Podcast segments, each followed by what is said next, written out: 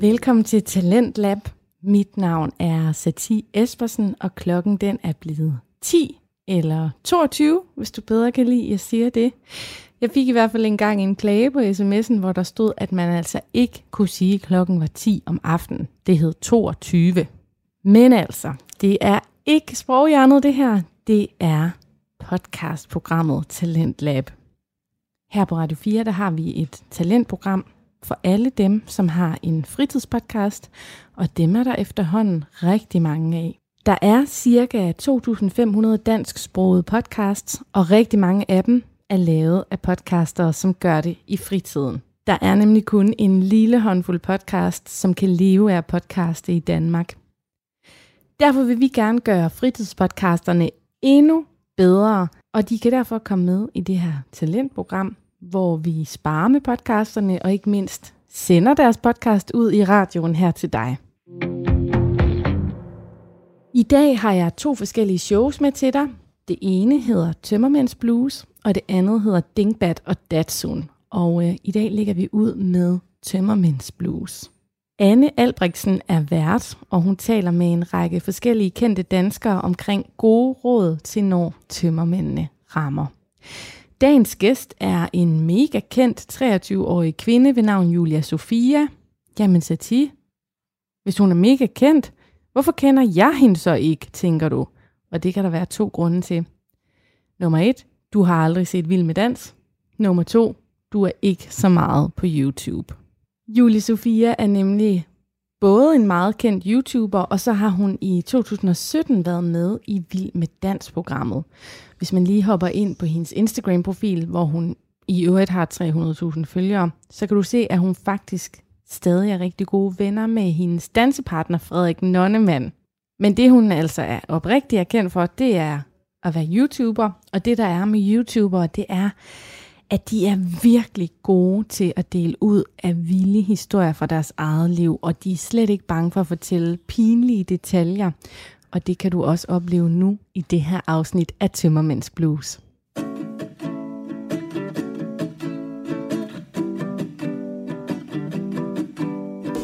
Jeg har ofte tænkt tanken, jeg drikker aldrig igen. Og jeg har haft samtlige lørdage og søndag formiddag, der har været hårdt plaget af fysiske tømmermænd og dårlig samvittighed. Men noget, der altid har hjulpet mig, det har været at snakke med nogen. Høre, at andre også har begået de samme pinligheder som mig.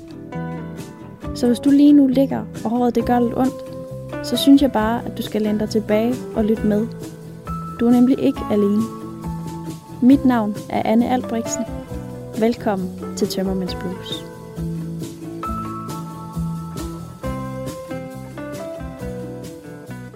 Jamen, øh, jeg vil jo bare gerne lægge ud med at sige velkommen til Julia Tusind Sofia. Tusind tak. Og jeg kan faktisk ikke helt sige velkommen, fordi vi sidder jo i dit hjem. det er rigtigt. øh, lidt uden for København. mm. Men jeg kan i hvert fald sige velkommen til podcasten Tømmermænds Blues. Jo, tak. Jeg er så glad for, at du har fundet tid til at kunne være med. Mm. Helt bestemt, jeg glæder mig rigtig meget. Jamen, øh, skal vi bare springe ud i det? Jo, lad os gøre det. jeg er lidt nervøs. Altså, det første spørgsmål, jeg gerne vil stille dig, det er, at hvis du skulle beskrive dig selv som festtype med tre ord, hvilke tre ord skulle det så være? Åh, oh, en som festtype med tre ord. Ja. Øhm, øh, okay. Øh, Spørgejørn, at må det tælle som et ord? Ja. Ja, altså jeg tror, jeg er altid den, der sådan, jeg hader ikke havde stillhed, så jeg er altid den, der sådan virkelig prøver at make conversation, ligegyldigt Ah. hvem vi sådan sidder med, ikke? Ja. Øhm, og så tror jeg måske sådan, sådan din fulde far-agtig. Øh, det jeg ved godt, det ikke er et ord, men hvis det kan få lov at blive beskrevet som et Kan, ord. kan du komme lidt uddybende? Ja, øh, din fulde far, jamen jeg tror det er sådan, altså jeg er egentlig ikke sådan altid helt vildt glad for at være fuld, det, er sådan, det sker meget sjældent, at jeg sådan er stangstiv, øhm, så jeg er sådan, den fulde far, hvor det, sådan, det er sjovt at se mine veninder, de er sådan, gud Julia er fuld i dag, sådan, det Ah. griner hun er på nu. Okay. Øhm, og den, der ligesom render rundt, måske at lave sådan lidt dårlige jokes, danser lidt dårligt og sådan noget, men bare har en fest selv. Ej, det er en god beskrivelse. Ja, øhm, og hvad ellers? Jamen sådan, altså Sambuca, er det bare, jeg bare sige et ord, Sambuca, det er virkelig, altså peaked og ødelagt rigtig mange oh, det byture. er et farligt ord. ja. Okay.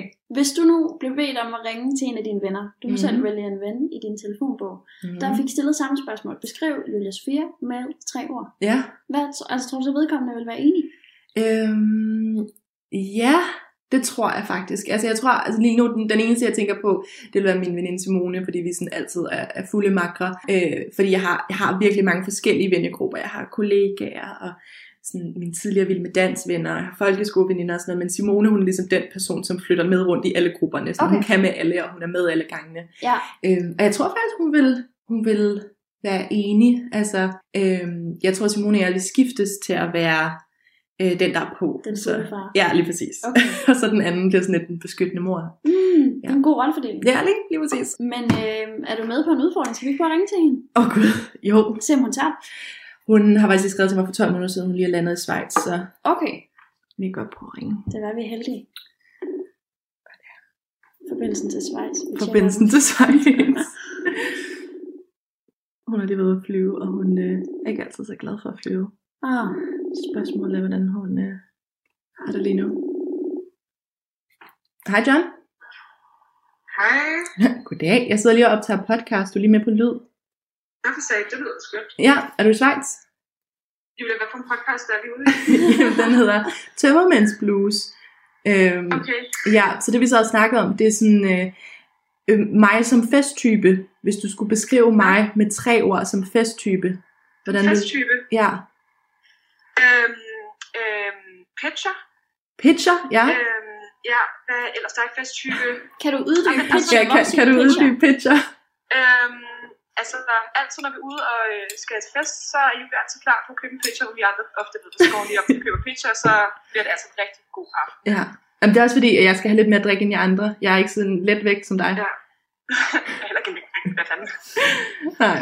Er der andre ord? Øh, andre ord, andre ord. Øhm, jeg kan virkelig putte spot her. Jeg står midt i øh, Schweiz Lufthavn på sammen med tusind andre mennesker. Fedt. Altså måske, øh, det er jo ikke rigtig ord. Jo, dansk musik generelt. Så finder man Julia på floor, Ja. som vi siger. Ja, på floor. Det er den eneste gang, jeg kommer på floor, ikke? Ja. Det Ja. er gode danske bangers, så er Julia derude. 80 hits. 80'er hits, ja. Ja. øhm, og et sidste ord. Øhm, Altså, jeg sa det, så... altså måske Ja, Sambuca shots. ja Ej, præcis. Jeg har seriøst lige sagt som buka. Jeg bare sådan, det er, den, det, det, det er det, der får vores aften til at pike, og det er det, der ødelægger vores aftener, ikke? Præcis. Vores dag efter bliver udlagt af den til Sambuca shots. Der. Præcis. Ej, tak John. Ja, selv tak. Vi ses. Hej. Ja, hej. Men det der var jo 100 procent. var virkelig godt. Ej, det er sjovt. Men Ja. passende. Meget Der passende. må være noget om det så. Så jeg er lidt bekymret for, at lige pludselig om det der shampoo kan nå at tage over. Som kendetegn. Præcis. Fanden? Og, og ikke blot for at give en omgang, det er nogle Ej, gode kvaliteter. Amen altså, for søren. Så kan det ikke blive helt dårligt det her. Nej. Fordi næste spørgsmål, det er sådan din opfattelse af Mhm. begrebet tømmermændsblues. Ja. Øhm, altså som jo er navnet på den her podcast, men Mhm. var det sådan et, var det et ord, du havde hørt før? Og i så fald, Mhm. hvad er dit forhold til det? Jamen jeg tror, altså, det er helt sikkert et ord, jeg har hørt før. Det er et ord, som øh, mine veninder og jeg, vi bruger ofte.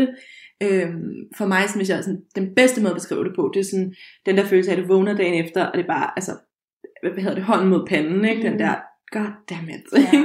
Lidt den følelse. Øhm, og så tror jeg også for mig, at den meget sådan, jeg tror, jeg ofte bruger den i forhold til sådan veninder og sådan noget med, lige med mit arbejde og det, jeg laver, øh, som mange af mine tætteste veninder laver det samme, med nogle af mine tætte kollegaer også. Mm. Vi arbejder rigtig meget weekenderne. Ja. Øhm, sådan meget min, en gammel øh, manager, han sagde engang, sådan, at YouTuber det er ligesom øh, pizzamænd. Ja. At sådan, vi skal altid være på arbejde, når folk har fri. Ah, Fordi folk vil gerne se indhold, når de selv har tid til at se indhold. ja. Øhm, så vi har altid arbejdet rigtig meget i weekenderne. Og derfor er det altid clashet lidt der med sådan at tage en bytur en fredag eller en lørdag aften. Ja, Fordi okay.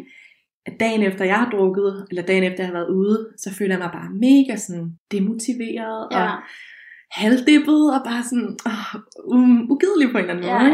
ja. Øhm, så jeg tror, det er måske sådan lidt den måde, jeg har beskrevet Tømmermænds Blues på. Ikke? Men det ved jeg ikke, altså, om det overhovedet er sådan den officielle beskrivelse af Tømmermænds Blues. Altså, jeg prøvede jo at slå ordet op, fordi jeg var Ja. sådan, det er det, der er noget, der eksisterer. Ja. Men øh, der er ikke en... Øh, altså, jeg skulle, jeg skulle lave min egen Wikipedia-side, og ud af, fordi at Vildt nok. der er ingen officiel beskrivelse. Men det er sjovt, jeg havde været meget spændt på at høre, hvad du sagde til det her, Mm. fordi vi er jo jævnaldrende. Mm, Øh, jeg er 22, er du ikke også det? Jo. det er jeg. Vi faktisk har lige præcis samme alder. noget. Så jeg var meget spændt på at høre, om vi havde den samme opfattelse Mm. af det. Og der er i hvert fald mange ligheder, fordi den opfattelse, jeg også altid selv har haft af tømmermænds blues, er også meget med det der med, at man vågner, Mm. hånden mod panden, og man Ja. tænker, åh, for helvede. Et er, at man jo ofte har det fysisk dårligt, Mm. men noget andet er så bare, at når det går op i ens hoved, mm. og man Mm. bare... Altså for mig har det også rigtig meget at gøre med overtænkning. Ja. Og så tænker man, åh, oh, gjorde jeg det? Eller de der yeah. sambuca shots, ja, ja. var verdens dårligste idé. Ja. Og, sådan. Øhm, og det starter, tanker, der starter bare sådan en tankestrøm, Mm. Som man tit ofte finder ud af, når der så er gået nogle timer eller en Mm. dag, at det er jo så unødvendigt. Ja, ja, lige præcis. Og så tror jeg også, man har en tendens til nogle gange, hvis man så har de der sådan, sorte huller i løbet af aftenen, som du måske har glemt på Ja. grund af shots, Ja. og så fylder man den ud med sine egne øh, efterrationaliseringer af aftenen, ikke? Lige hvilket er helt åndssvagt. Hvor man altid er så dømmende over for Mm. en selv, og tænker, at man har gjort det værste. Lige præcis. Selvom vedkommende, man har været til fest med, eller de Mm. andre personer, som har været til stede, de har jo oftest været i akkurat samme båd som Ja, ja, eller så får man at vide dagen efter sådan, ej, du var mega grinerne i går, du var mega på, og man Ja. sidder bare selv og tænker, ej, hvor var jeg bare pinlig. ja. Det er nemlig det. At det er bare så rigtigt. Det Mm. der med, at tit og ofte, så tænker man, at man har opført sig mega dumt, men det Mm. synes andre jo egentlig ikke. Præcis. Øhm, og det er derfor, at den her podcast jo egentlig udspringer. Mm. Fordi det, der altid har hjulpet mig, og jeg forestiller mig, at det hjælper så mange andre, det er, at når jeg har vågnet med den her følelse, sådan, åh, for fanden, så har jeg bare altid, du ved, speed dial ens bedste veninde, Ja, og været sådan, ja. Hvad skete der i går? Ja. Kan du lige hjælpe mig her? Og gjorde jeg det her? Og var det så slemt? Og så er de altid sådan, nej. Øh. Mm. Og hvis jeg har været virkelig øh, fyldt med selvledlighed, så har de altid været sådan, "Men prøv at høre, jeg har engang gjort det her, Ja, ja, eller ja. det her er sket for mig. Altså det der, det er ingenting. Ja. Og det har bare altid øh, hjulpet mig helt vildt. Jamen, det er rigtigt. Det er rigtigt. Ja, ja, jeg tror helt sikkert, man kan finde en form for sådan fællesskab i det, ikke? Ja, Altså, og bare så griner man af det sammen. ja, lige præcis. Og nogle gange behøver det ikke engang at være folk, der har været med i byen. Altså sådan nogle nej, gange, nej, overhovedet ikke. Noget af det, jeg elsker allermest i verden, det er sådan at hente for eksempel min lille søster fra fester. Jeg elsker de der køreture hjem midt om natten, hvor hun skal forbi en anden 7-Eleven og rate den, og Mm. øh, måske skal vi også lige holde ind til siden, så hun kan stoppe ud af døren, eller Ja. sådan noget. Men sådan, de der sådan lidt fulde historier, og bare sådan, oh my god, det her, det her, det her sker, og snakker med dem her, så danser vi til det her. Sådan, Mm. Det er så fedt. Ja, Altså, og man hygger sig ja, lige med det. Og det er bare sådan, nogle af de bedste snakke, det er næsten også bare dagen derpå, når man sidder der, har ondt i hovedet, ondt i maven, og så får man et tamt håndværkerrundstykke, eller et eller andet, du ved, og man bare sådan griner over, hvor latterligt dumme man er, fordi man ved jo godt, man gjorde det sidste weekend, og der var det også en dårlig idé, og nu har man lige gentaget det. Ja, jamen, det er så rigtigt. Og det er jo simpelthen derfor, at vi sidder og øh, gør det her. Mm. Og det er også i den forbindelse, at jeg har bedt dig om at forberede øh, nogle historier. Ja. Øh, har det været svært at skulle vælge nogen? Jamen det synes jeg faktisk lidt, det har. Altså fordi det er sådan lidt, altså jeg tror mange holder, inklusive mig, det der med, man holder lidt sin øhm, fulde historie hellig. Ikke? Ja, ja. fordi det sådan, ofte indebærer det øh, andre mennesker, Mm. eller øh, måske ting, man har gjort, som ikke nødvendigvis behøver at sådan se dagens lys, eller Ja. ja. hø- øh, høre sig andre mennesker ud over dem, der lige var til stede. Ja. Øhm, men altså, jeg synes, jeg har fundet nogen frem, som sådan beskriver min byturs øh, streak meget godt. Jamen skal vi ikke bare starte fra en ende af? Jo, altså, øhm, skal jeg fortælle om den første? Go. Okay, mm, jeg tror, at den første, jeg vil fortælle om, det er, da jeg var til øh, Pride. Det har været tilbage i 2018. Mm. Øhm, jeg var med øh, TV2-vognen sammen med Vild med Dansholdet. Ah, okay. Og jeg lavede Vild med Dans i 2017, så det var ligesom, øh, min gamle dansepartner Frederik var der, og mange af mine tidligere dansekollegaer var der, eller hvad man kalder det. Mm. Og så var der selvfølgelig hele castet til den nye sæson. Så det var alle sammen folk, jeg ikke Og har det er også et vildt setup. Og det er ret sindssygt setup, og sådan, jeg stod sådan i, på et tidspunkt i sådan en sandwich af Lene Beyer og Hans Pilgaard, og sådan, det var ret vanvittigt. Fantastisk Ja, fuldstændig, ikke? Øhm, og hvad det hedder, vi er så på den her øh, vogn, og sådan, jeg er faktisk ikke sådan sindssygt glad for de her sådan meget sådan, øh, små spaces, eller hvad man kalder det. Nej, Og ender faktisk også sådan lidt halvt med at få sådan lidt angstanfald med i det hele, Okay. øh, og må sådan sætte mig ned, fordi den her altså vogn kører. klaustrofobisk. Ja, lidt, Okay. ikke? Og den her vogn, den kører jo, så jeg kan ikke rigtig komme af. Øhm, og så lærte jeg engang et trick fra en stewardesse på et fly, hvor jeg også havde lidt angst, med at tage en isterning, og så sådan gnide den mellem hænderne, øhm, fordi det ligesom køler nervebanerne.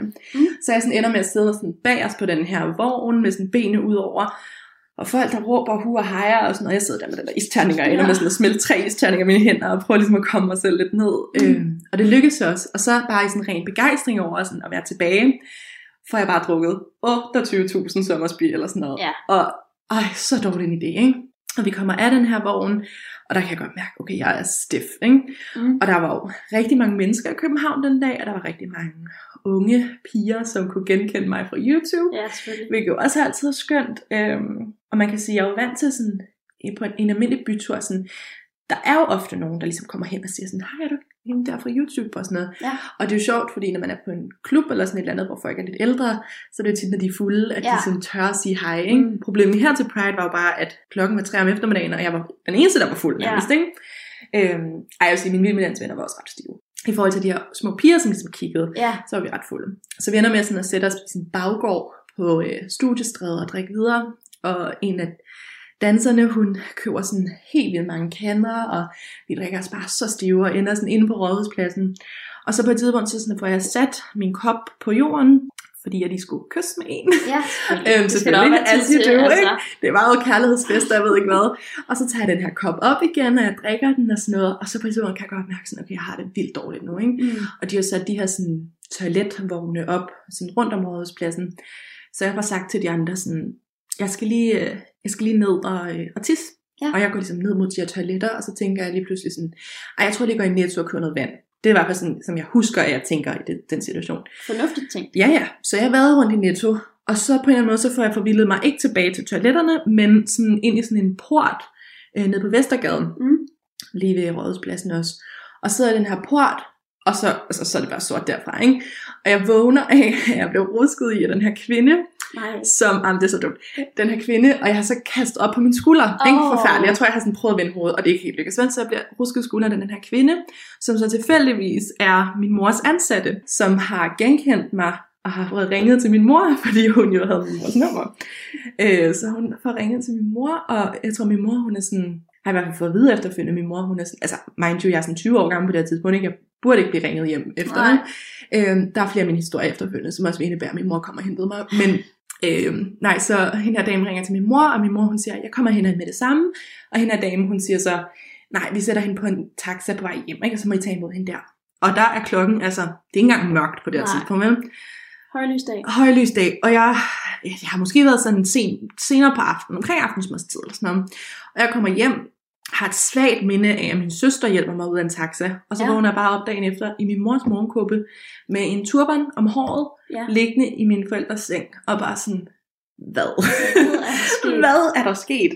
Øhm, altså, så jeg ved faktisk, at den her historie, den, den, den, kan, den kan være to ting. Enten så har jeg drukket mig på sans samling, eller også så er der kommet noget i min kop, der jeg ligesom har stillet Okay, den der ja. på jorden. Fordi efterfølgende så øhm, politianmeldte vi det, fordi ligesom, eller vi politianmeldte, vi ringede ind til politiet, Ja. og de sagde så, øh, at vi behøvede ikke at lave en anmeldelse, men at der havde været 16 andre piger, der også havde ringet ind. Okay. Så jeg tænker, og de havde også alle sammen Der kunne godt være noget om det. der kunne godt have været noget om, at der ligesom har været nogen, der går rundt der på rådhuspladsen og puttet noget i, hvilket er en sindssygt skræmmende tanke. Ja. Øh, fordi jeg vågner så op dagen efter, og det kan godt være, at jeg har drukket sindssygt meget, men jeg havde det egentlig ikke sådan helt vildt skidt. Nej. Altså, og jeg tænker, hvis jeg havde drukket mig blackout fuld, så havde jeg kunne mærke det på en anden det måde. Ikke? Ja. Øhm, men det er bare, ej, altså, og jeg tænker også sådan, tænk hvis det ikke havde været min mors ansatte der, der havde set mig midt Ja, på gaden, ikke? Tænk hvis Ja. man bare havde ligget der. ja. Og sådan, jamen, det er jo bare, det er jo, det er bare alt, man ved. Man er langt ude, når man kaster op ud over sig selv. Ej, for fanden, altså, øv. Ja. Øv, øv, øv. Og så, og så dagen efter, så ringer jeg så til Frederik, der er min tidligere dansepartner, og han er bare sådan, hvor blev du af? Altså, du skulle tisse, og så kom du bare ikke tilbage. Og sådan, ja, prøv at, det ved jeg faktisk overhovedet ikke Du selv. vil slet ikke vide Jeg aner ikke, hvad der foregik. Altså, puha. Ej, det er stadig sådan en, jeg godt kan, kan cringe godt og grundigt over nu her, og bare tænke, jeg har siddet der i en port til Pride på Vestergade, ja. med kastet op på skulderen, og været så ynkelig. Ja, Øv. ja, den er træls. Den er virkelig træls. Åh, oh, det er den. Og det er også det der med, at jeg tænker i hvert fald, når du siger der, at du har været på en øh, vogn med en masse mennesker, Mhm. mm-hmm. som også er offentlige mennesker Mhm. mm-hmm. udadtil, og du har nok været en af de yngste. Ja, ja, 100. Og det er altid det der med, så gider man bare ikke at være den, der, Der kan drikke det mindst, og altså Ja, nej. går ud som et... Øh, Nej, man, man, man vil gerne være den, der ligesom sådan, for en gang skyld viser sådan, at man er lidt sej, ja, eller man altså, kan man er lidt. moden, Ja, og ikke? her, man Ja, lige og præcis. så langt er man også. Og så ender man i porten med at kaste op på skulderen. Okay. Øv. Øv, Ja. øv, øv. Men stabil første historie, Ja tak, ja tak. Altså jeg ved ikke, om de andre kommer til at toppe den. Altså det har været, det har, det er første og eneste gang, jeg har drukket mig blackout fuld, hvis det var det, der foregik. Men, Det er ret godt gået så. Ej, det er faktisk løgn, det er faktisk løgn. Min næste historie, der er jeg også ret fuld. Ja, ja, ja. Ej, øv. Men jeg tror i hvert fald, der er mange, der kan genkende det til at have, åh, fuck Mm. mit liv følelsen, når man er blevet hentet ud, eller ringet hjem til Ej. mor og far. Det er ærgerligt, ikke? Jo, Det er vildt ærgerligt. Jamen, skal vi gå til historie. nummer to? Øv. Okay, historie nummer to, den, øh, den, det er faktisk Simone, der er med i den her historie. Simone, hun er helten i den her historie. Øhm, og hun, altså vi, øh, Simone og jeg, vi, vi går lidt i samme kreds, og sådan, hun er også YouTuber, og, sådan, og vi kender rigtig mange øh, mennesker sådan sammen. Øh, og vi ender altid på en eller anden måde i en anden situation, hvor der er sådan 50 mennesker, vi ikke kender, så er vi hinanden, ikke? Øh, og lige på det her tidspunkt, der var vi blevet inviteret til en fredagsbar. Mm. Øh, ude hos en virksomhed, som vi synes, det var nogle nice mennesker. Øh, nogle af dem kendte vi lidt, og vi var faktisk sådan lidt nervøse, primært mig, fordi det, sådan, det var nogle mennesker, jeg sådan kendte lidt perifært, og godt kunne tænke mig at sådan, have en nice oplevelse med. Ikke? Ja. Øh, og der var tema til den her øh, fest, eller fredagsbar, og det var party i provinsen. Ja, Øh, selvfølgelig. selvfølgelig. Og øh, Simone og jeg, vi mødes hjemme hos hende sådan kl. 16 eller sådan noget, og jeg har siddet i, i toget med øh, to kæmpe ølbongs stikkende ud af min taske, fordi at, øh, det var ligesom party i provinsen, så jeg tænkte, det er da en meget sjov gimmick Ej, at komme med sådan det to er ølbongs. så ikke? sjovt. Jeg skulle lige til at spørge, for nu er jeg jo fra provinsen. Aha. Hvordan tolker Ah, det? for helvede. Ah, det var sådan noget øh, DJ Alligator og Ja. ølbongs, og ah, det var voldsomt. Øhm, og jeg Varme så, slots. ah, men for fanden. Så jeg sidder i den her, øhm, der tog, og jeg stiger lige ud på Nørreport, og så møder jeg sådan Sus Wilkins, som er sådan, Ja. Nå, du skal have en griner aften, var? Og jeg er sådan, mm. og med de der ølbongs.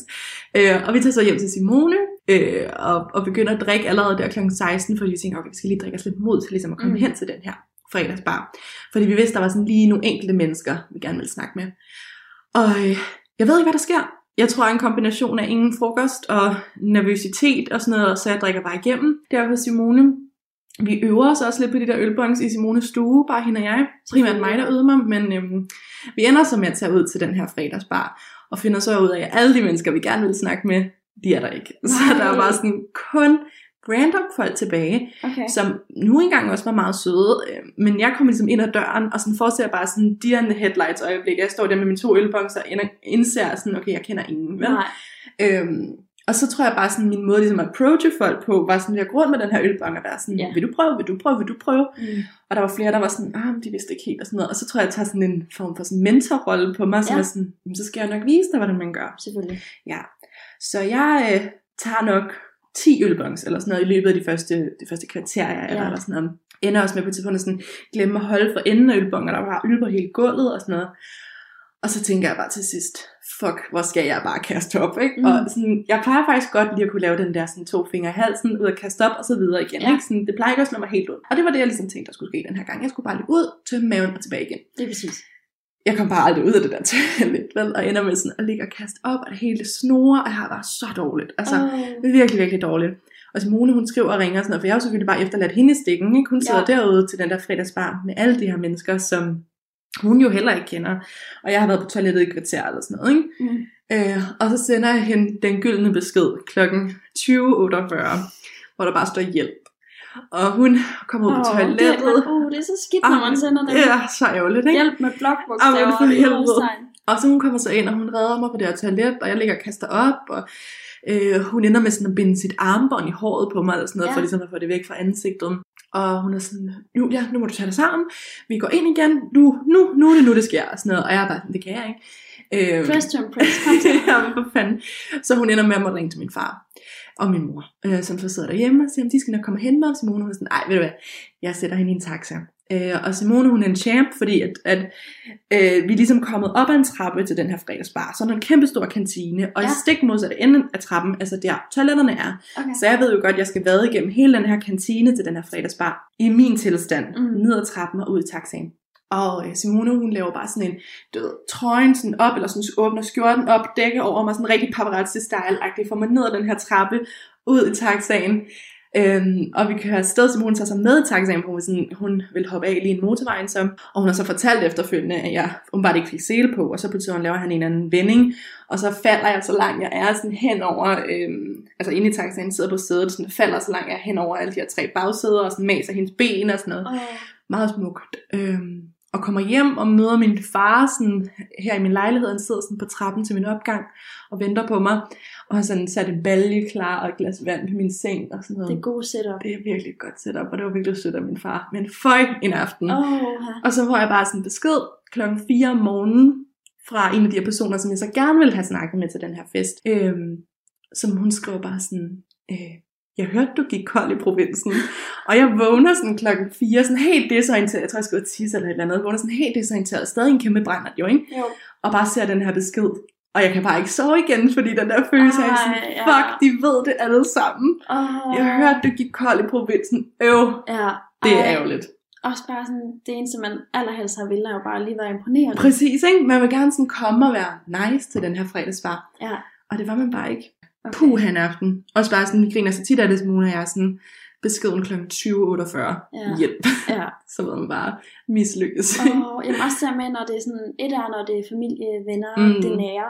Men noget andet er, når det er branchefolk, eller Ej, andre, man gerne vil ikke? imponere jobmæssigt, ikke? Mm. så, er man jo, så er det bare 10 gange værre. Så ærgerligt altså. Ja, det er virkelig rigtigt. Men hun, det, jeg elsker, at hun kører den helt gode paparazzi ud. ja, ja. Fordi det har jo sikkert draget 10 gange mere opmærksomhed, at du bare var sådan, ikke se på hende. Ja, det sige, at man hende." kører som sådan en gollum hen ad gulvet, og hun var sådan helt kommet op. Ej, for satan da. Det er faktisk en af de ting, som det er sjovt at grine af nu, men hvis jeg havde muligheden, havde jeg gået tilbage og ændret det. Ikke? Ej. Jeg havde virkelig godt vil være den, øhm, den pinlighed foruden. Ja, men shout out til gode venner. Shout out ligesom til gode venner. Altså, en. vågner bare op i min seng og sådan, hvorfor har jeg et armbånd i håret? Og sådan, Ja. okay, hun har virkelig, hun har taget sit armbånd og håndled og bundet det i håret på mig.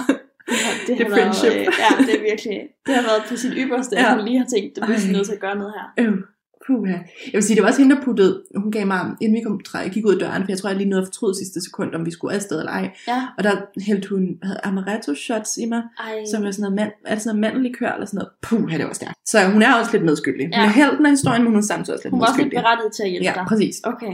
Men det er jo også det, der er med ølbongs. Altså sådan, hvem har opfundet Ja, det? præcis. Og det går så hurtigt til hjernen, Lige ikke? præcis. Også bare, jeg tror, det er sådan en ting, det skal bare, det skal bare blive på Roskilde Festival. Ja, altså, Det er du skal det. bare aldrig tage det med til en, altså sådan en branchefredagsbar. Virkelig dum idé. Men man bliver jo bare aldrig klogere. Mm. Og når det så er Pride i provinsen. det i provinsen, altså jeg synes bare, det er kaldt efter en ølbong, ikke? Jo, jo. Og så, 100%. ej, og så, hvad hedder det, faktisk den aften var endnu værre, fordi jeg i den her kæmpe brænder, inden jeg går på toilettet, der får jeg øh, lagt øh, noget bevismateriale, som jeg ikke kan komme nærmere ind på. Ja. Men jeg får lagt noget bevismateriale på et skrivebord til den her fest, og vågner så op til klokken 4 og får den her besked, og skriver til Simone bare sådan, vi skal bryde ind på det her kontor i morgen. Nej. Øhm, og det ender vi så med at gøre sådan klokken 9 om morgenen, hvor der er øhm, rengøring, Fuck, banker vi heldigt, på, og fucking heldigt, ikke? Der er rengøring, vi banker på, rengøringen, så vi forklarer dem, vi har glemt noget. Vi render op, øh, jeg finder min ene ølbong og det her bevismateriale og tager det med hjem. Øh, og så sådan går der en uge eller sådan noget. Og så er der en af de andre, en anden gut til festen, som også bare sender mig sådan et billede. Bare sådan, er det her din ølbong? Og sådan, yep, den er Den bare der til. fremme. Super. Ej, Ej. så er jo det, ikke? Det er, nogle, øh, det er nogle gode historier, synes jeg. Ja, det er godt. Jeg er spændt på at høre dine træer. Ja, altså jeg står lidt mellem to. Det okay. kan være, at du, hvis jeg giver to stikord, ja. så kan du få lov at vælge. Den ene, øhm, den handler om, at jeg faldt i søvn i en opgang. Og den anden handler om, at jeg blødte ud over et metrosæde. Det er gode cliffhanger der. ja. øh, jeg tror, jeg går med misforstået. Metrosædet, okay. Ja. ja. Der gik jeg i første G. Øhm, hvilket nok var det sådan, hæftigste år i mit liv, fordi jeg drak ikke særlig meget før jeg startede gymnasiet. Til trods for mine to historier nu her, så har jeg heller ikke drukket så meget efter gymnasiet. Det, det ene år, jeg lige nåede at gå i første G, det var virkelig der, det gik voldsomt for sig. Mm. Men her der var jeg sammen med faktisk min første kæreste, øh, og vi havde sådan en ting med, at vi godt kunne lide at sådan danse på tage. Ja. Hvilket er langt nemmere ude, hvor jeg for eksempel bor, hvor der er en masse parcelhuse og sådan noget. Knap så nemt sådan inde på øh, Amagerbrogade, Ja. Hvor vi så var til fest. Øhm, men øh, det gik fint. Vi øh, var til fest, og det var grineren, og vi havde drukket, og vi havde hygget os, og sådan noget. Og så, øh, da vi så skal på vej hjem, så er der sådan, okay, det er virkelig svært at forklare, ikke? men der er sådan en række af høje bygninger. Mm. Og så midt sådan i de her, i den her række af huse eller bygninger, så er der sådan et metalcykelskur, som ligesom er sådan et metalgitter på forsiden, og så et metalgitter på toppen. Og så er de tre andre sider ligesom dækket af husmure. Mm. Så vi kravler ligesom op af det her metalgitter, og så står op på toppen af det her metalgitter, øh, og så videre op på de her huse, og ender så op på et tag, og der danser vi og har det grineren, og jeg ved ikke, jeg har altid haft sådan en ting, som i virkeligheden er stjernedumt, men er sådan en øh, historie til børnebørn, ikke? Ja. Man samler ligesom på historie til børnebørnene, og i det her øjeblik, der tænker jeg, det her, det er med en historie til, Til børnebørn, børnebørn. ikke? At vi danser rundt på det her tag og sådan noget. Og da vi så skal ned igen, så er det der, det gik galt, fordi så øh, øh, min kæreste på det tidspunkt hopper ned, og det går så fint, dang, dang, dang, ned på jorden. Og da jeg så skal ned, så ender jeg sådan med at stå på hjørnet af det her øh, gitter, og på ligesom toppen af det her cykelskur, Mm. eller som ikke engang cykelskur, det er ligesom bare sådan et gitterskur. Øhm, og står ligesom oppe på toppen. Og så på en eller anden måde får nogle af de her sådan bolde eller skruer løsnet sig. Så det ene hjørne af det her gitter giver ligesom bare slip, Oh. og jeg ryger ned i det her cykelskur. Og står jo så lige pludselig i sådan et gitterfængsel mellem to bygninger på Amagerbrogade og omhegnet gitter, fordi det her øh, hjørne er ligesom sådan slippet ned igennem, det springer sådan op igen og lukker til. Ah, Og det er jo så der, at that point, at jeg tænkte, jamen, så bor jeg her. Ikke? Ja, ja, ja. altså, så kommer jeg bare ikke videre herfra. Og min kæreste var bare sådan, nej, der er kanyler på jorden, og du skal ud derfra. Ja. Og jeg er sådan, det er fint, ved du hvad, du Vi går bare, jeg tager den i morgen. Når det bliver lyst, så overvejer jeg, hvad jeg gør, fordi det var så uoverskueligt. Øhm, og vi ender med sådan, først så prøver min kæreste der at sådan stikke en, hår, en af mine hårnåle sådan ind i det her, den her lås. Det virker selvfølgelig ikke. Der kommer andre gæster fra den her fest ud og prøver at hjælpe. Det virker heller ikke. De giver op og går igen, så det ender med kun at være min kæreste og jeg er tilbage. Og øh, det er noget rigtig lort. Og så til sidst, så stiller hun sig ligesom sådan op på det her. Hun får kravlet op igen på det her, på det her gitter, Mm. og får stillet sig op på det her hjørne, som, som ødelagde det hele for mig. Og ligesom på en eller anden måde får med sine hænder holdt fast i hjørnet, og med, eller sådan ved, ved bygningen, og med sine fødder sådan skubbet det her hjørne sådan ned, så hun står som sådan en, en bue på en eller anden måde. Sådan, Ja. Det er meget svært at forklare. Jeg, jeg oplever det også sådan, lidt sådan i flashbacks, som sådan meget øh, fulde, Sløret øh, voldsomt. Ja, præcis. Men hun får ligesom på en eller anden måde stillet sig sådan en form for buebevægelse, så jeg ligesom kan kravle op og ud af det her hegn. Og det er så rigtig fint. Alt er godt. Kæmpe sejr. Vi vandrer ned ad Amagerbrogade, og vi går på McDonald's, og vi fejrer det, og jeg kom ud i live, og ingen gik i stykker og alt det her. Stadigvæk historier til Præcis, børnebørnene. stadigvæk står til børnebørnene, indtil jeg så, øh, vi sætter os i metroen, når vi skal hjem, og så sidder jeg på det her metrosæde, og så er jeg sådan, det, der, der er godt nok noget blod på det her metrosæde, det forstår jeg ikke helt, Nej. vel? er der nogen, der sådan har siddet her, som måske blevet igennem eller sådan noget, og så min kæreste kommer på tidspunkt sådan, okay, prøv lige at kigge på det ben, og så har jeg så sådan lige min ene knæhase, fået en af de her sådan wires fra det her metalgitter, sådan stukket sådan 5 Åh. cm ind i benet, ikke? Åh, Ja. Ja, det var voldsomt. det var rigtig voldsomt. Så har jeg bare blod over det hele. Min, gema- eller min nylonstrømper er helt soaked. Og jeg, er sådan, jeg fatter ikke, at har oplevet det, Nej. før vi sidder på det her sæde. Men min nylonstrømper er helt gennemblødte. Og der er blod over det hele. Og min kæreste derfor, eller ekskæreste er det jo så nu, min kæreste på det her tidspunkt ringer Mm. så hjem til min mor. Igen kommer der forældre på banen. Og min mor hun er sådan, jeg henter hende på Ørested station. Få hende bare til Ørested. Og min mor henter mig, og hun kigger på mig, og så hun sådan, jo ja, jeg tror du skal limes, eller et eller andet. Jeg er bare sådan, mor, det kan jeg ikke overskue. Jeg er stiv, jeg skal hjem og sove. Så aftaler vi, vi tager den i morgen, ikke? Og da jeg så vågner op dagen efter, så er det jo sådan allerede begyndt lidt at at skrue sammen og sådan. Og jeg tænker, at det er fint. Mm. Det står til børnebørnene. Men altså, jeg vil sige, i dag har jeg kæmpe, kæmpe ar. Jeg skulle nok på en eller anden måde, hvis det havde været muligt. for life. Ja, jeg skulle nok have, have gået med den der syning der, eller lim, limtur, eller hvad det er. Men det var altså også... Øh, det var voldsomt. Ja. Ej, ja. kæmpe skade. Kæmpe, Og det er også, skade. altså ved man også, at man har været godt bedukket, hvis mm. man Mhm. har noget at spise og sådan noget. Ja, Altså, ja. der har lige været en hel episode i Præcis, ikke? Og man ikke har opdaget det, at jeg kan mærke smerten. Altså, jeg tænker, sådan en, vi kender godt sådan de der gitterhegn, Ja, ja, som er sådan ret solide, tykke ja. stålwires, ikke? Altså når man kan klatre på dem. Ja, lige man præcis, ligesom- ikke? Og den har jeg så fået helt jaget ind i knæhasen. Au. Men, Det, øhm, der er et minde. Ja, der er et minde. Altså, jeg vil sige, jeg var så, hvad var jeg, 16, da det her skete. Mm. Øh, og det er ikke så lang tid, det er sådan et halvandet år siden, jeg snakkede med min ekskæreste sidst, hvor hun også bare nævnte sådan, kan du huske hegnet? Jeg sådan, ja, jeg kan godt Ja, jeg har hegnet." fået arv, Ja, lige sagde præcis. For evigt med mig. Åh, her. Ja, kæmpe øve. Ej, okay. Så vi har ligesom tre historier. mm. Den første, altså, det er jo en, øh, en Pride Gone Wrong. Ja, Pride Gone Wrong. Helt ægte. Øh, kæmpe blackout. det er bare altid kæmpe træls. Ja, altså, sådan- virkelig, virkelig, virkelig. Og så har vi en uh, party på provinsen fredagsbar. Ja, Hvor, heller ikke helt øh, efter planen. Hvor man jo tænker, at man skal imponere i bedste øh, provinsstil ja, med ølbanks. Øhm, og bliver ligesom øh, hjulpet ud af en Mm. meget sød veninde. ja, ja, Også meget relaterbart det her med, at venner gør, er gode at have ja, de der situationer. præcis. Og så det der med til en fysisk skade. Ja. Altså gode historier. Tak jo, for tak. dem. Ja. Jamen øh... altså, jeg er glad for at kunne dele dem i det her meget safe space. Det til nogen, det bliver vel præcis, ikke? Ja, en hyggelig lille samtale over en kop kaffe. Det er det. Ej, jeg tror, der er mange, der kan relatere. Ja, jeg Helt håber, sikkert. ja, altså, jeg håber, folk passer på, ikke? Ja, Altså, jeg vil sige, man har jo de her oplevelser også for ligesom at, at tage dem med, og så sige, okay, det gør jeg måske ikke en anden gang. vel? præcis. Man bliver klogere. Ja. Forhåbentlig på et eller andet tidspunkt. Jeg har et, øh, et sidste spørgsmål. Ja. Det er, det, det er lidt to i en faktisk. Ja. Dit bedste råd mod tømmermænd, Ja, og dit bedste råd mod tømmermænds blues. Uh. okay. Altså, mit bedste råd, må jeg starte med den i om en række, fordi Ja, Tømmermænds Blues. Øh, jeg forsøger altid at have en aftale øh, dagen før jeg ligesom, øh, går ud, eller sådan, når, jeg tager i byen, så, så skal jeg have lavet en aftale på forhånd dagen efter. Øh, fordi ellers så kommer jeg til at ligge og være sølle hele dagen, Ja. og hvis der er noget, jeg hader, så er det at være sølle hele dagen. Mm. Øh, jeg skal sådan virkelig tvinge mig selv til at være produktiv og sådan komme op og ud og sådan noget. Og det, det lykkes også, altså sådan 99,9% af til, øh, tilfældene. Øh, men jeg prøver altid at have en aftale. Om det ja. så bare sådan er og ses med veninden, eller en spise aftensmad hos mine forældre, eller sådan et eller andet. Men bare sådan komme ud og lave noget, ikke? Mm. Øh, noget, som jeg skal overholde. Fordi jeg føler, det er fandme lang tid siden, jeg har haft sådan en dag i sengen. Og jeg bliver ikke gladere af det. Det hjælper ikke på min tømmermand. Tværtimod hjælper det kun at komme ud. Øh, så det er helt sikkert min ting. Og så, Det er også et godt råd. ja. Og så mit bedste råd mod tømmermænd, der er kun én kur, der virker. Okay. Og den lyder sådan her. Du er på vej hjem fra byen. Du går i 7-Eleven. Vi er Eller en tank. Eller et eller andet, ikke? Ja, Du køber det mest spicy, du kan finde. det mest spicy. det mest spicy, ja. Okay. Øh, for mig hed den ikke engang de der chicken taquitos. Nu er jeg så blevet vegetar, så det går ikke længere. Men du køber et eller andet stjerne, stjerne spicy, ikke? Ja.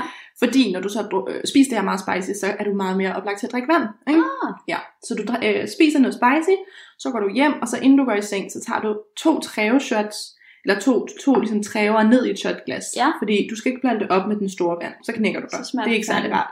Du putter et lille shotglas, opløser to træver, Ja. så bæller du den anden store vand, som du også har købt på 7-Eleven eller på tanken. Øh, og det kan du godt drikke, fordi du har spist noget meget spicy. Ja. Og så går du i seng. Og så når du står op, det første sekund, du slår øjnene op, nogle gange står man jo op lidt før, for måske lige tisse, eller lige have en tår vand, eller Ja. andet, man altså har i munden. Så drikker du endnu øh, en dobbelt shot med noget vand, og så står du op, og så har du det fint. Ja. Det er et virkelig gennemført den, tip, det Jamen, der. altså, jeg bruger den altid, men den eneste, det virker bare ikke, hvis du er meget sensitiv over for koffein, fordi at, Ah. øh, der er koffein i træver, og øh, du kan også ende med sådan at ligge og sådan, have sådan nogle, øh, sådan nogle rysteture, Ja, sådan nogle koffeinrysteture, øh, ikke? Ja. Så hvis du er meget nej. sensitiv, så måske et enkelt træveshot. Don't do. Men hvis du, hvis du kan, Ja. dobbelt træveshot inden du går i seng, og dobbelt træveshot som det første, når du op. Det er et mega godt tip. Ja, da jeg lavede Vild med Dans, der kunne jeg sådan, Frederik er, vi, Frederik er det største byttesøsmenneske, jeg kender overhovedet. Altså, han er, sådan, han er hjernedød til det. Og der var der nogle gange, hvor vi havde sovet sådan en halvanden time eller to timer og skulle op og træne dagen efter. Der var bare dobbelt shot hele vejen. Ej, hvor sjovt. Så det er, er det ham, der har lært dig det? Mm, Eller? jeg kan faktisk ikke huske, om der har lært mig det. Jeg tror faktisk, det er en, en der hedder Dark Kvichangen, som er, hun er kok på restaurant Kin Kin, eller chefkok. Øh, det var hende, der lærte mig det engang, og så har jeg bare sådan for evigt båret det med mig, og Ja. deler rådet til alle, jeg kender, fordi det er Ej. så godt. Det er mega godt råd. ja. Jeg er sådan helt, Ja. nu når vi Du har lyst til at drikke dig fuld, ikke? Og prøve det. Ja, det er shots. Okay. Nej. Ej, godt tip. Mm-hmm. Og jeg sådan stræber efter i livet at være den person, der altid har en træve på mig, sådan, Ja. ja. så jeg kan være redningsmand, hvis der er andre, der har behov for den. Ikke? Også virkelig en fed måde at sætte sig selv op til at være sådan en god Ja, støtteperson. lige præcis, ikke? Bare sådan, prøv her, altså jeg kan holde lidt hår, jeg har en træve, det kan ikke gå galt. Jeg redder dig faktisk Ja. lige nu. Jo, welcome. For fanden. Ej, jamen, det er virkelig godt råd. Det var godt. Det vil, jeg, det vil jeg sige tak for, og så vil mm. jeg Mhm. bare sige tak for, at du vil dele din historie. Ja, selvfølgelig. Det var sjovt. Lidt grænseoverskridende, Ja. ja. men rigtig sjovt. Ej, det var mega fedt, du ville være med. Tak skal du have. Ja, selvfølgelig.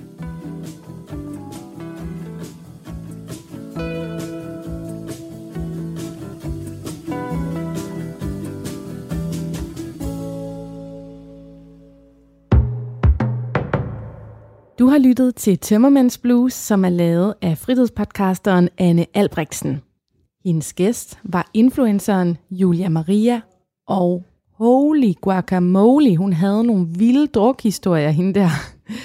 Det var meget sådan billedligt. Jeg fik mange forskellige, både lækre og ulækre billeder op i hovedet af alle de gode historier. Husk, du kan finde Tømmermænds Blues på alle platforme, som hoster podcasts. Og nu skal vi til podcasten Dingbat og Datsun.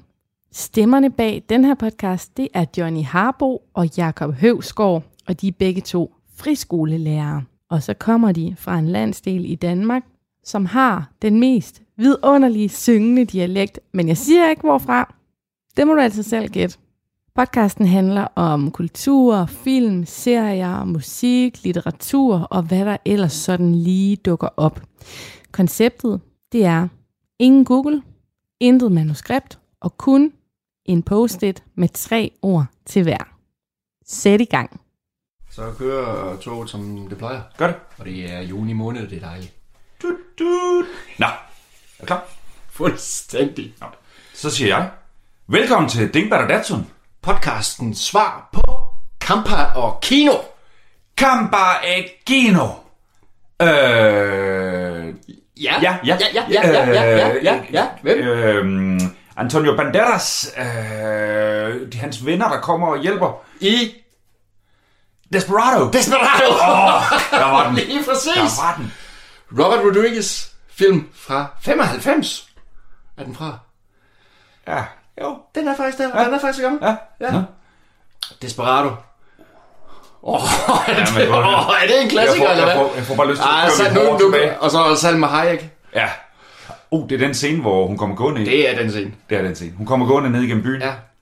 Og så er der så nogle øh, mexikanere, der hænger ud af de der gamle biler. Og, så, fløjter efter og fløjter efter hende, og kører sammen. Ja. ja.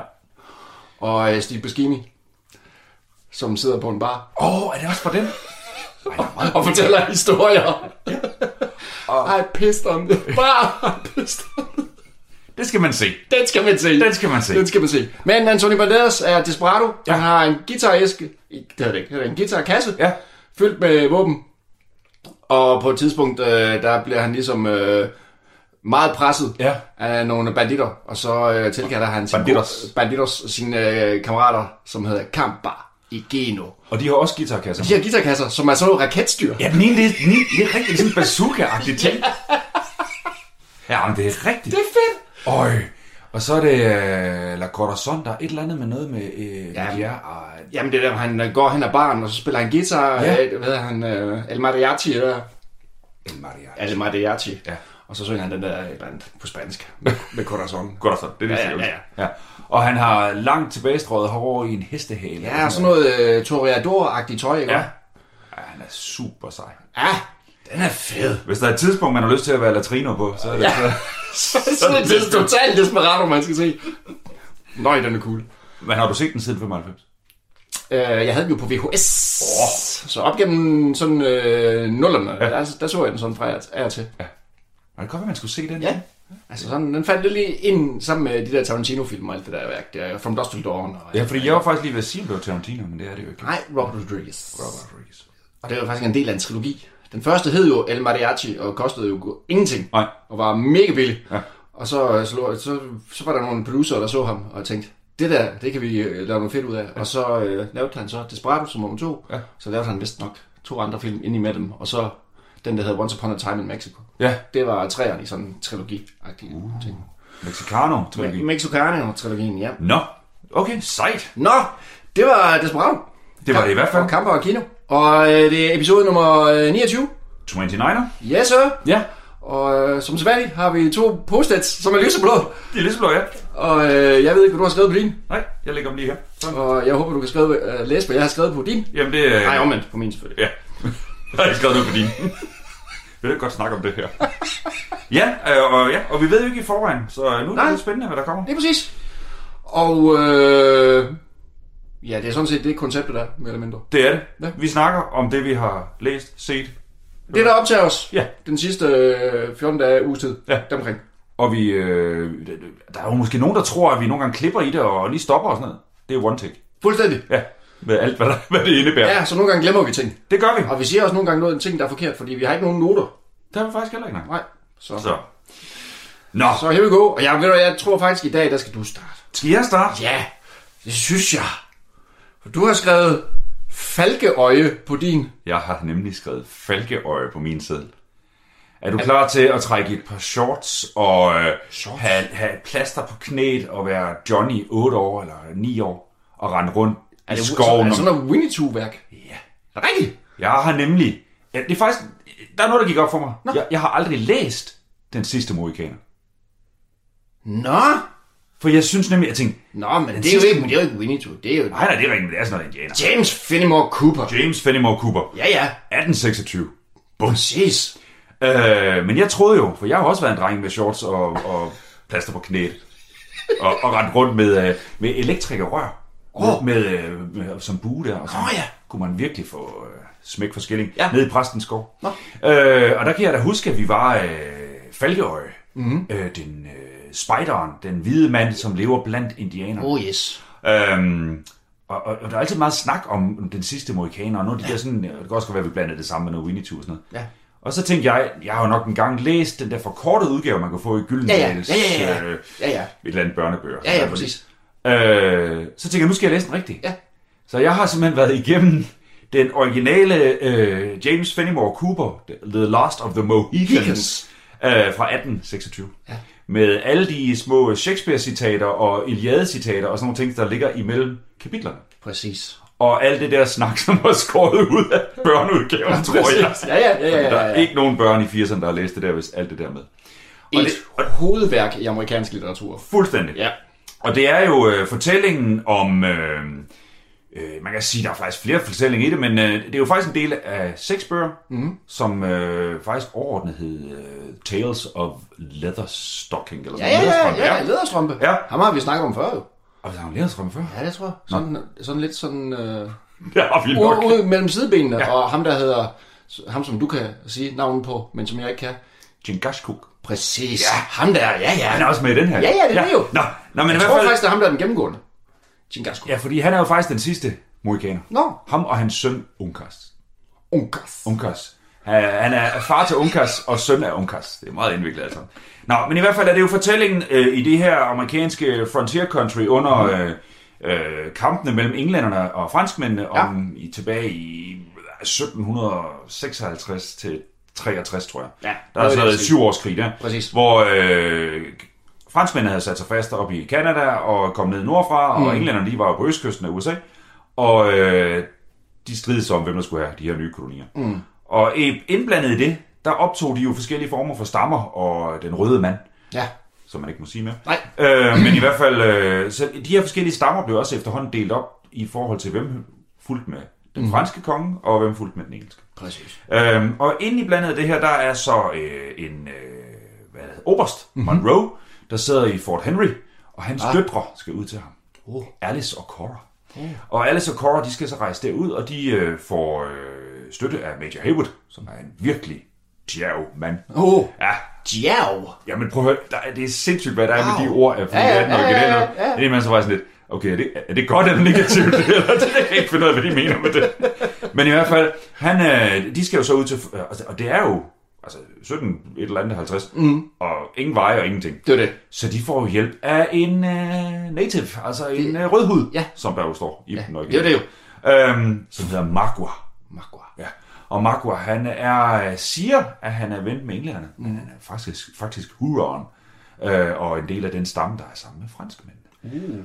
Nå, under omstændighed, så leder han dem jo på afveje, fordi han har et grudge mod mm. Monroe, så han vil jo gerne have de der døtre, og hvis han kan tage dem og tage Ja. deres skalp, så vil det jo være fantastisk.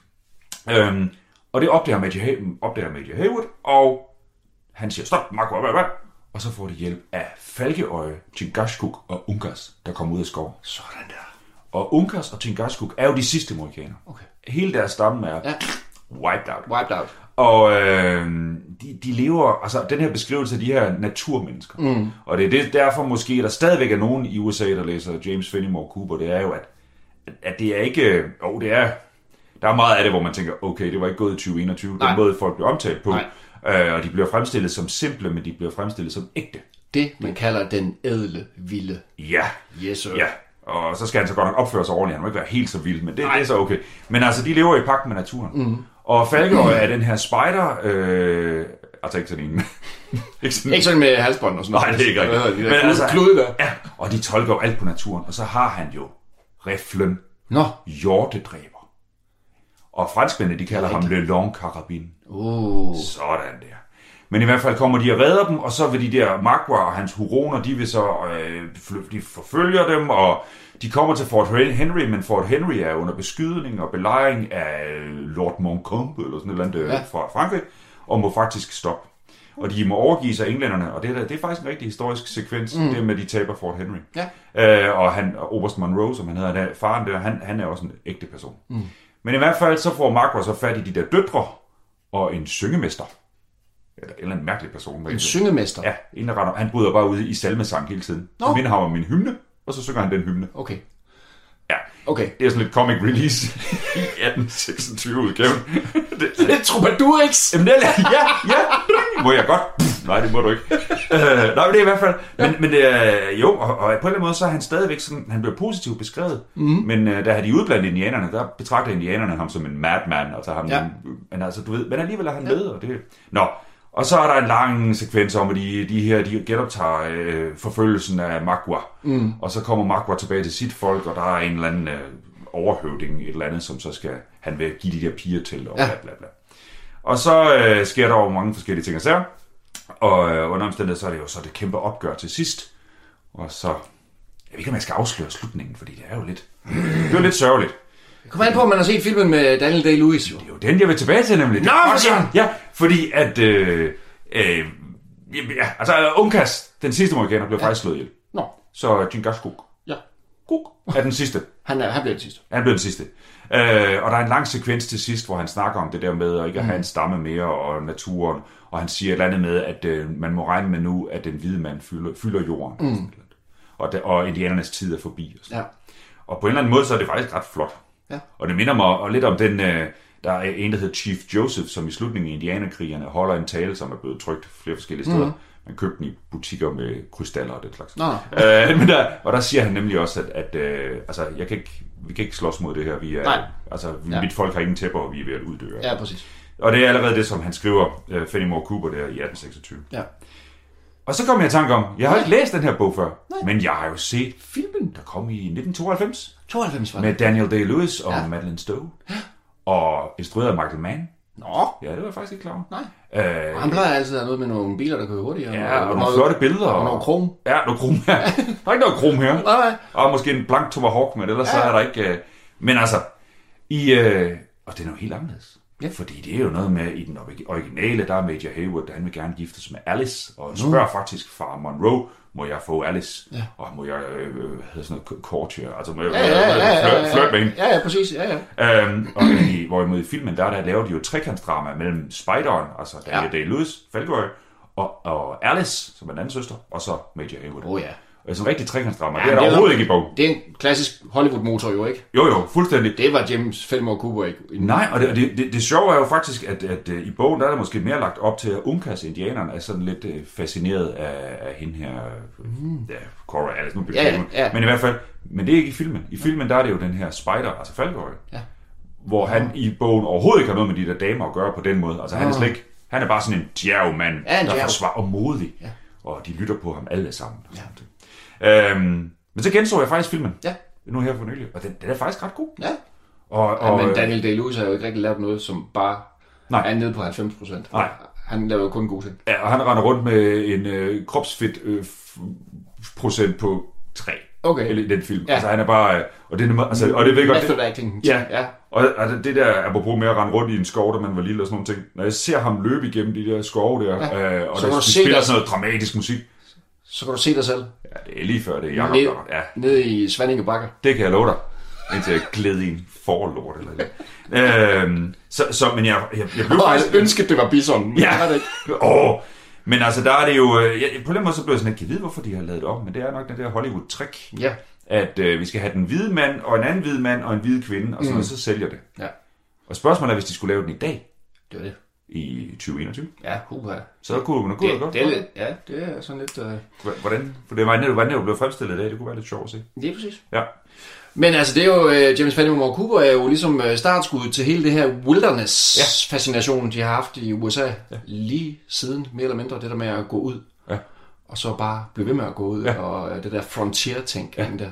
Og der var plads. Og der var plads ja. Ja. på det her tidspunkt. Ja. Og uh, det er lige før, det er en segway. Ja. Men, men det er det så ikke. Nej. Men lige om lidt er det alligevel. Okay. Men jeg skal lige, jeg skal lige øh, en ting til, jeg skal sige, fordi så, så skal jeg James Fenimore Cooper ved jeg heller ikke så meget om. Så satte jeg faktisk ind og læste lidt om ham. Ja. Og hans far grundlagde Coopertown. Ja. Det er sådan øh, ret øh, fashionable New York-område, mm. hvor man kan bo i. Og, øh, der, øh, og han, han var... Der ligger vist et museum. Jamen, det skal nok passe. Ja, jo, det, det skal nok passe. Ja. Men, øh, men det, jeg synes bare, det var, det var sgu meget sjovt lige at sætte sig ind i det. Ja. Og så er det altså det der med, at når man læser noget, som er skrevet på den måde, og som jeg siger, der er nogle af de der ord, man... Ja. På en eller anden måde, så bliver man sådan lidt opdateret på sit sprog. Mhm. Jeg synes faktisk, det, var, det synes jeg faktisk ja. er meget fedt. Så, øh, udover... Hvad, hvad, hvad synes du så, den er 200 år gammel? Ja, Ja, Var den lidt... Øh, um, um, ah, lidt øh, der, der er nogle beskrivelser, ikke? Ja, Ja, hvor, der- hvor man tænker, okay, mm. nu er de blade på det træ også beskrevet. Ja, det, tror, det tror jeg på.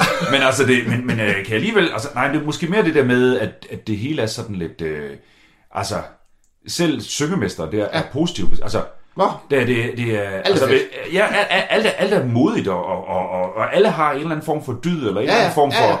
for, for gode øh, øh, sådan personlige træk, Ja, ja. som det var fremhævet. Okay. Øh, undtagen Magua. Okay. Han er jo altså ondskaben selv. Nå, og så alligevel, så, når man så hører om, at han faktisk er blevet smidt ud af sin egen stamme, fordi han var kommet til at falde ind i det her med at drikke whisky og sådan noget. ting. Og Ilvan. Elvan, Ja. ja. og han er blevet øh, pisket ved martrapælen for grund af hans opførsel, fordi han faktisk glemte at være indianer. Mm. Og det her det er en måde at få de der piger tilbage på, det er en måde at vinde respekt ved stammen igen. Okay. Så kan man også godt tænke, at ja, pff, altså, hvis man skal læse lidt socialrealistisk Ja. i det. Fordi det har jo været et kæmpe problem siden, at der kom en eller anden hollænder med noget genever eller et eller andet. Ja, ja. Prøv at drikke det her. Ja. Øh, fordi det er indianer. Altså det, eller grønlænder, eller andre naturfolk. Andre Eller i Kongo, eller Ja. hvor man nu kan. Ja, ja, præcis.